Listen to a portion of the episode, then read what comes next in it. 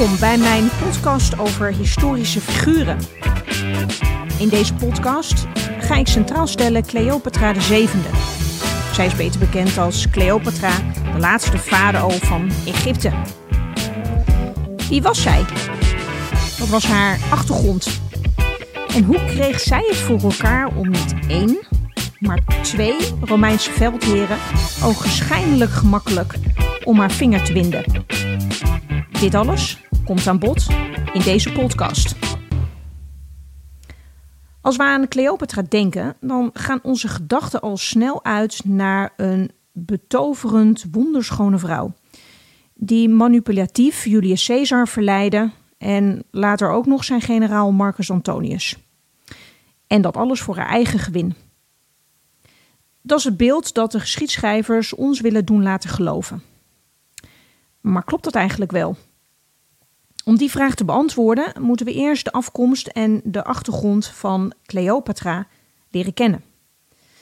En daarvoor moeten we terug naar de tijd van Alexander de Grote, zoon van de Macedonische koning Philippus, geboren in het jaar 356 voor Christus. Geen zorgen, ik ga in deze podcast niet continu allerlei jaartallen noemen, maar het is wel goed om dit even in de tijd te plaatsen.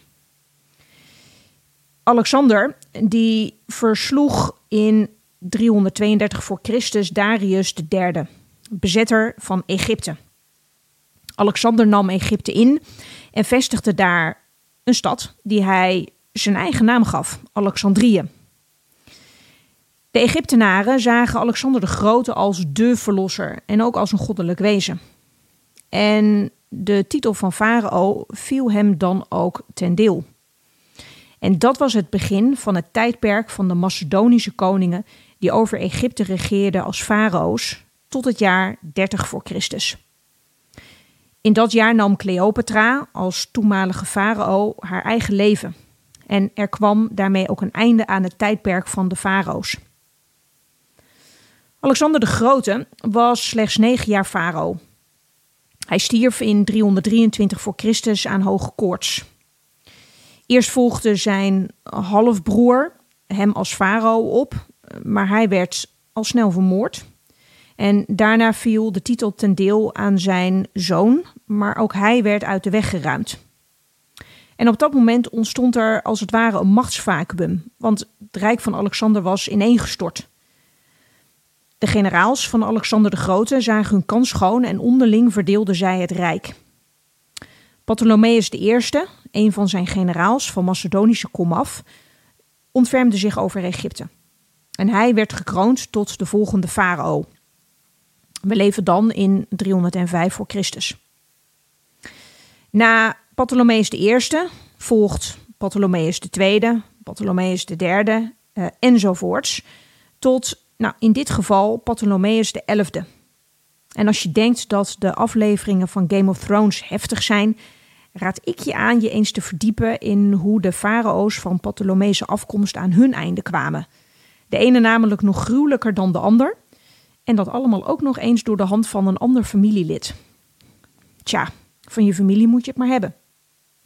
Maar terug naar Ptolemeus XI. Hij overleed in het jaar 80 voor Christus. Er was alleen een klein probleem. Ptolemeus XI had namelijk geen directe afstammelingen. En dat was uh, uh, een probleem. De lijn van de farao's kon namelijk op deze manier niet worden voortgezet. En dat kon niet. Er moest intern binnen de familie van Ptolemaeus een opvolger worden gevonden. In het andere geval was namelijk een andere familie maar wat al te graag bereid om de volgende familielijn van de farao's te worden. Haast was dus geboden. De enige beschikbare mannelijke afstammeling zij het onwettig, waren de zonen van Ptolemaeus IX bij een Griekse concubine uit Alexandrië. De oudste van de zonen werd tot farao uitgeroepen en kreeg de naam de twaalfde Neos Dionysius. Hij is beter bekend onder zijn bijnaam Auletus, wat fluitspelen betekent. En we weten dan ook direct wat de hobby was van deze farao. En Auletus, dat was de vader van Cleopatra. Cleopatra was dus van zowel Macedonische als van Griekse komaf. Auletes was bepaald niet geliefd onder de Egyptenaren. Zij ergerde zich aan zijn fluitspel, vals of niet, en aan de zware belastingen die hij oplegde. En zo erg zelfs dat hij uiteindelijk in 58 voor Christus uit Egypte werd verdreven en naar Rome vluchtte. En opnieuw was de troon van de farao vakant. En de oudste dochter van Auletes, Berenice, dat is de zus van Cleopatra, was de volgende in lijn. En zij werd dan ook de volgende farao van Egypte. Maar dat duurde al met al niet heel erg lang. Terwijl Auletes zich schuil hield in Rome, beraamde hij zijn terugkeer naar Egypte. Daarvoor was in de eerste plaats nodig de erkenning door Rome als rechtmatige farao van Egypte. Ja, alles is te koop, zo ook deze erkenning. Auletes betaalde daarvoor Julius Caesar een flinke som geld. En Auletes had in de tweede plaats een leger nodig. En ook dat kocht hij, drie legioenen maar liefst, van de koning van Syrië.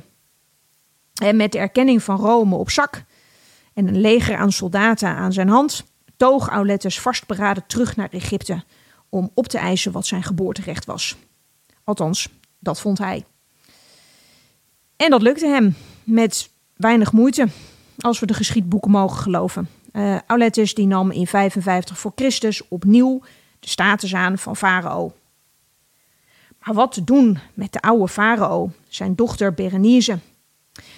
Na goed familiegebruik werd zij in opdracht van haar eigen vader vermoord. Het nieuw gevonden farao-geluk van Auletes duurde niet lang, slechts vier jaar. Hij overleed in 51 voor Christus aan een natuurlijke dood, voor zover wij weten. Cleopatra, Auletes oudste in leven zijnde kind, was toen pas 17 jaar. Auletes had uh, Cleopatra benoemd tot zijn opvolger, de nieuwe farao van Egypte.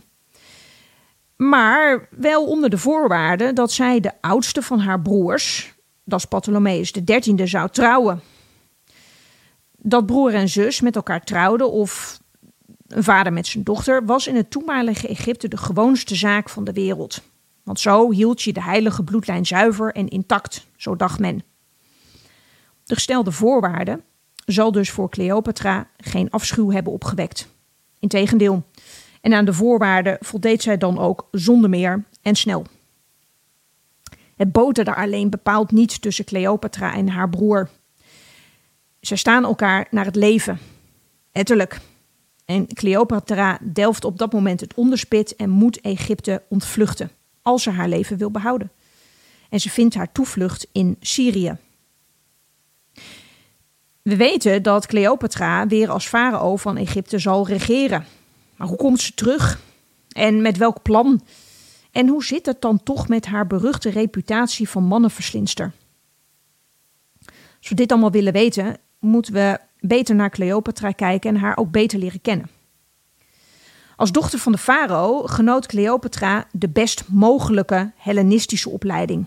En dat onder leiding van de meest talentvolle geleerden, verbonden aan de prestigieuze bibliotheek van Alexandrië. Zo werd Cleopatra onder meer opgeleid in de kunsten van een redenaar. Zoals Cicero, een Romeinse redenaar, schreef: de inhoud was minder belangrijk dan de presentatie. Niet wat je zegt is van belang, maar hoe je het zegt. En we mogen aannemen dat Cleopatra de kunst van de lofrede en van de berisping meer dan beheerste. En dat alles met opgeheven hoofd, trots, heldere blik en ook een passende intonatie. Cleopatra kon uitstekend haar woordje doen. Ze was verbaal zeer begaafd. Ze had een aangeboren talent voor speechen, met haar fluwelen, volle stem en haar gave om haar publiek goed in te schatten en de juiste toon aan te slaan. Cleopatra sprak Grieks, was minder thuis in het Latijn en heeft zich de Egyptische taal aangeleerd. Dat laatste was overigens uitzonderlijk, want geen van haar Macedonische farao-voorgangers had zich die moeite genomen. Cleopatra, dat kunnen we toch wel zeggen, was dus gewoon een knappe kop. In staat om iedereen met haar mooie praat en vleiende woorden onder tafel te, pardon my French, lullen. lag hier niet haar talent, in plaats van in haar uiterlijk waar ze onbekend staat. We weten eigenlijk niet veel van haar uiterlijk. Er bestaat namelijk geen borstbeeld van haar. Hoe zij er dus precies heeft uitgezien, ah, we weten het gewoonweg niet. Maar er valt wel wat te zeggen over haar uiterlijk. En dan kijken we naar de munten die toen in omloop waren. En die munten die, ja, die tonen toch wel aan dat ze geen conventionele schoonheid was.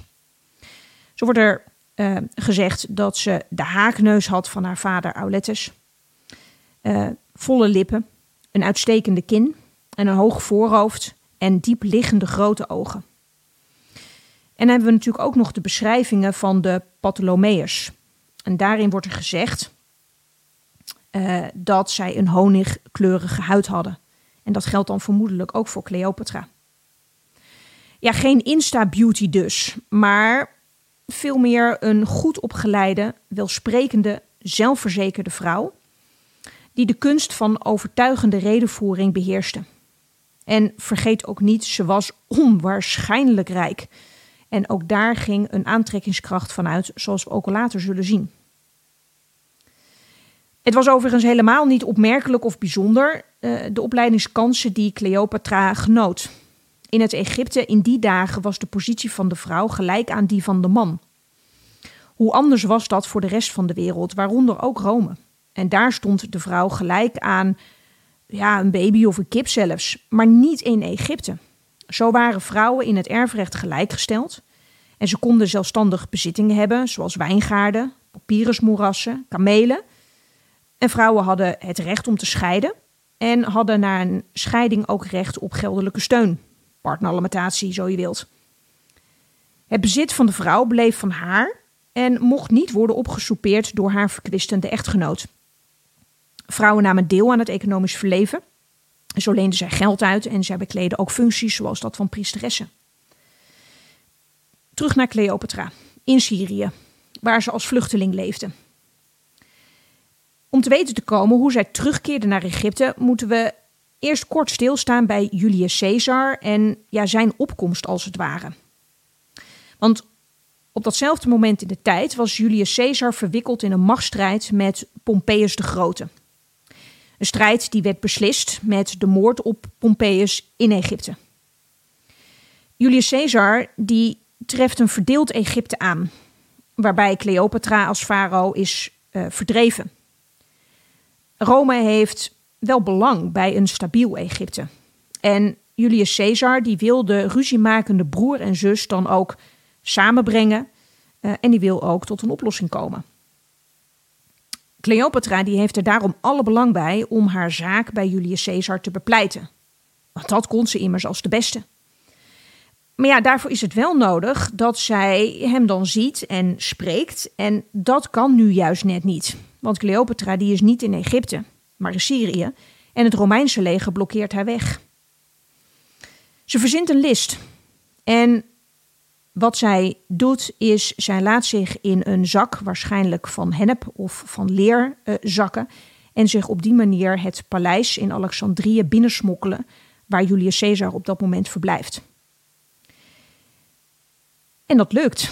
En ze heeft daarmee haar gewilde audiëntie met Julius Caesar. We weten niet wat Cleopatra tegen Julius Caesar heeft gezegd, maar het moet spot on zijn geweest. Want binnen de kortste keren kiest Julius Caesar partij voor Cleopatra. Boze tongen beweren dat Cleopatra Julius Caesar heeft verleid met haar uiterlijk en op die manier zijn hart heeft gewonnen. Maar daarmee doen we Cleopatra en haar capaciteiten echt tekort. Maar het gevolg van de keuze van Julius Caesar is dat Ptolemaeus XIII, de broer van Cleopatra, ontsteekt in woede. Hij gaat door het lint. Letterlijk. Hij rukt namelijk het lint uit zijn haar, gooit zijn diadeem op de grond en kermt dat zijn zus Cleopatra hem heeft verraden. Hij is simpelweg niet tot bedaren te brengen. En de manschappen van Julius Caesar die arresteren hem en die nemen hem gevangen. Dat doen zij overigens ook met de jongere zus van Cleopatra, uh, die partij koos tegen Cleopatra. Het gevangenisleven van Ptolemaeus XIII duurt niet lang. Ten overstaan van Julius Caesar voert hij een mooi toneelspel op. En huilend smeekt hij Julius Caesar om vergiffenis, maar ook om zijn vrijheid. En dat wordt hem gegund. Maar na zijn vrijlating sluit Ptolemaeus XIII zich direct aan bij de Egyptische opstandelingen die vechten tegen de Romeinen. En dat eindigt niet vrij voor Ptolemaeus XIII. Hij vindt zijn Waterloo op het slagveld en zijn lichaam wordt teruggevonden in de Nijl. Ja, probleem opgelost dus voor Cleopatra. Ptolemaeus XIII uh, uh, uh, is er niet meer en is uit beeld. Nou, niet helemaal. Want haar faraoschap was immers verbonden aan het huwelijk met haar broer, de zogeheten eis van haar vader van de tweeledige troonbezetting. Maar niet getreurd, een eenvoudige oplossing uh, lag binnen handbereik. Uh, Cleopatra trouwt namelijk met haar jongste broer, Ptolemaeus XIV, die op dat moment nog maar een jongen was van een jaar of elf. Van hem verwachtte Cleopatra geen enkele bemoeienis of moeilijkheden. En dat is ook later gebleken. Cleopatra had nu de alleenheerschappij, in ieder geval feitelijk, over geheel Egypte. We weten dat Cleopatra en Julius Caesar een verhouding hadden. Een die Cleopatra aangaat uit vrije wil, niet gedwongen door enig mannelijk familielid. En dit is voor de geschiedschrijvers maar moeilijk te bevatten en wordt dan ook al snel verdraaid. Cleopatra hoereert om Rome te winnen, zo luidt de tekst van een dichter. Klopt dat? Als we kijken naar de karakters van Cleopatra en Julius Caesar, moeten we erkennen dat zij goed bij elkaar pasten. En zo ook hun politieke agenda's. De agenda van Cleopatra was er vooral één waar Egypte voorop stond. En daarvoor had zij Rome nodig. Als een meerkoppig monster was het Romeinse Rijk bezig de wereld te veroveren en Egypte kon zich daar niet van onttrekken. Geen liefdesrelatie tussen Cleopatra en Julius Caesar wellicht. Ja, wie zal het zeggen? In ieder geval een relatie waaruit een kind, een zoon, wordt geboren met de naam Caesarion, wat kleine Caesar betekent. Nog voordat Caesarion wordt geboren, vertrekt Julius Caesar overigens terug naar Rome. Cleopatra bezoekt Julius Caesar in totaal twee keer in Rome, vergezeld van Caesarion. Tijdens het tweede en het laatste bezoek aan Rome, en we leven dan in het voorjaar van 44 voor Christus, wordt Julius Caesar, toen inmiddels gekroond tot keizer, tot Caesar, vermoord door Cassius en Brutus. De Ides van Maart. Cleopatra vertrekt daarop uit Rome terug naar Egypte waar zij in de zomer van datzelfde jaar haar broer, tevens echtgenoot, Ptolemaeus XIV, vergiftigt om vervolgens Caesarion, hij was toen drie jaar oud, uit te roepen tot mederegeerder. Met Caesarion als medemachthebber, een Romein, Caesars kind, probeerde Cleopatra Egypte onlosmakelijk te verbinden met Rome. Caesarion zou toch immers de opvolger zijn van Caesar? Het liep allemaal compleet anders. Wil je weten hoe? Luister de volgende aflevering van mijn podcast.